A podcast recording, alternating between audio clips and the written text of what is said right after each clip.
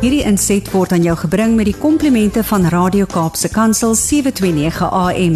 Besoek ons gerus by www.cape pulpit.co.za. Dit is lekker om te gesels oor die lewe wêreld van ons mense met gestremthede en is so lekker as die luisteraars so saamgesels hulle inligting vir ons deurstuur of vra na ons toe deurstuur en ons is besig om te kyk na gelyke geleenthede in die werkplek of waar ook al jy self bevind in die praktyk en miskien by 'n huisbejaardes of miskien by universiteit en as jy worstel met 'n gestremdheid in die opset waar jy self bevind en daar is nie gelyke geleenthede nie nie. In verlede program het ons gesê van die struikelblokke wat daar bestaan, die houdings, die kommunikasie struikelblokke, die fisiese of die inligtingstruikelblokke wat jou strem as 'n persoon met 'n verlies, dan moet jy na vore kom. Nou die Nasionale Raad van en vir persone met gestremthede het 'n persverklaring uitgereik en hulle sê under the white paper on the rights of persons with disabilities and applicable legislation a reasonable accommodation is a change to the job or environment to accommodate an employee with an impairment. The accommodations that the employer must make include the following categories. Nou dit is baie interessant daar die kategorieë waarteen daar na gekyk moet word om die persoon te kan integreer.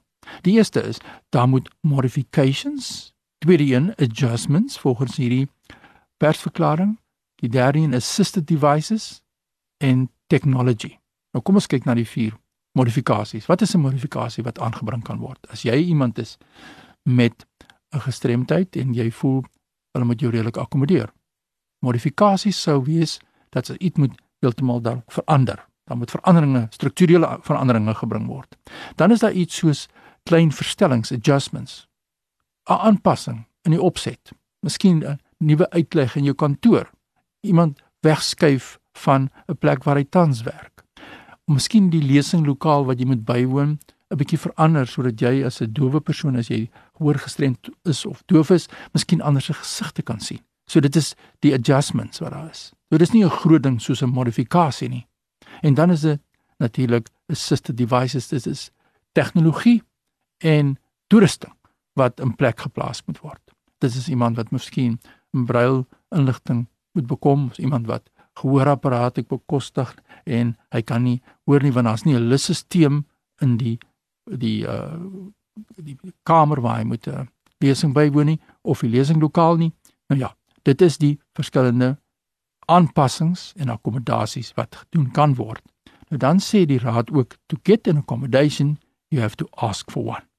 En dit is ons ook in 'n verlede in 'n program gesê dat jy moet vra vir daardie aanpassings. Maar watter woord word gebruik in die terme van die wetgewing? This requires disclosing your impairment to your employer. Met ander woorde, wat is disclosing?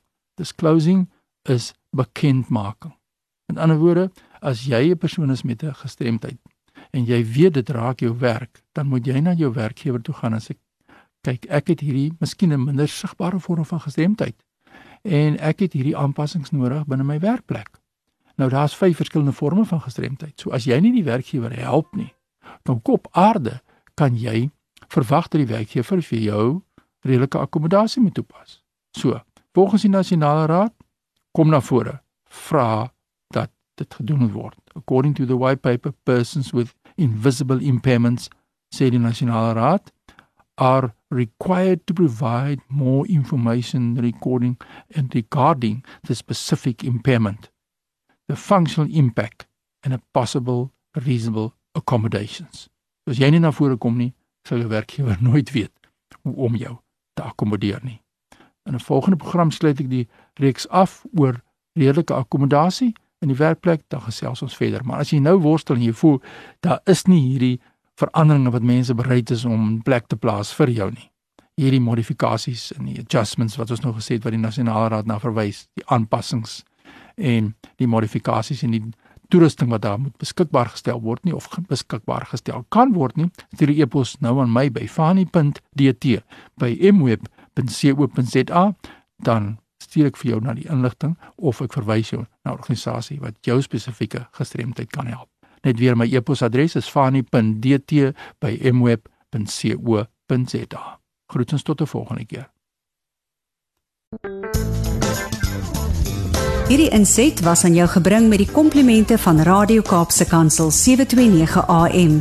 Besoek ons gerus by www.cape pulpit.co.za.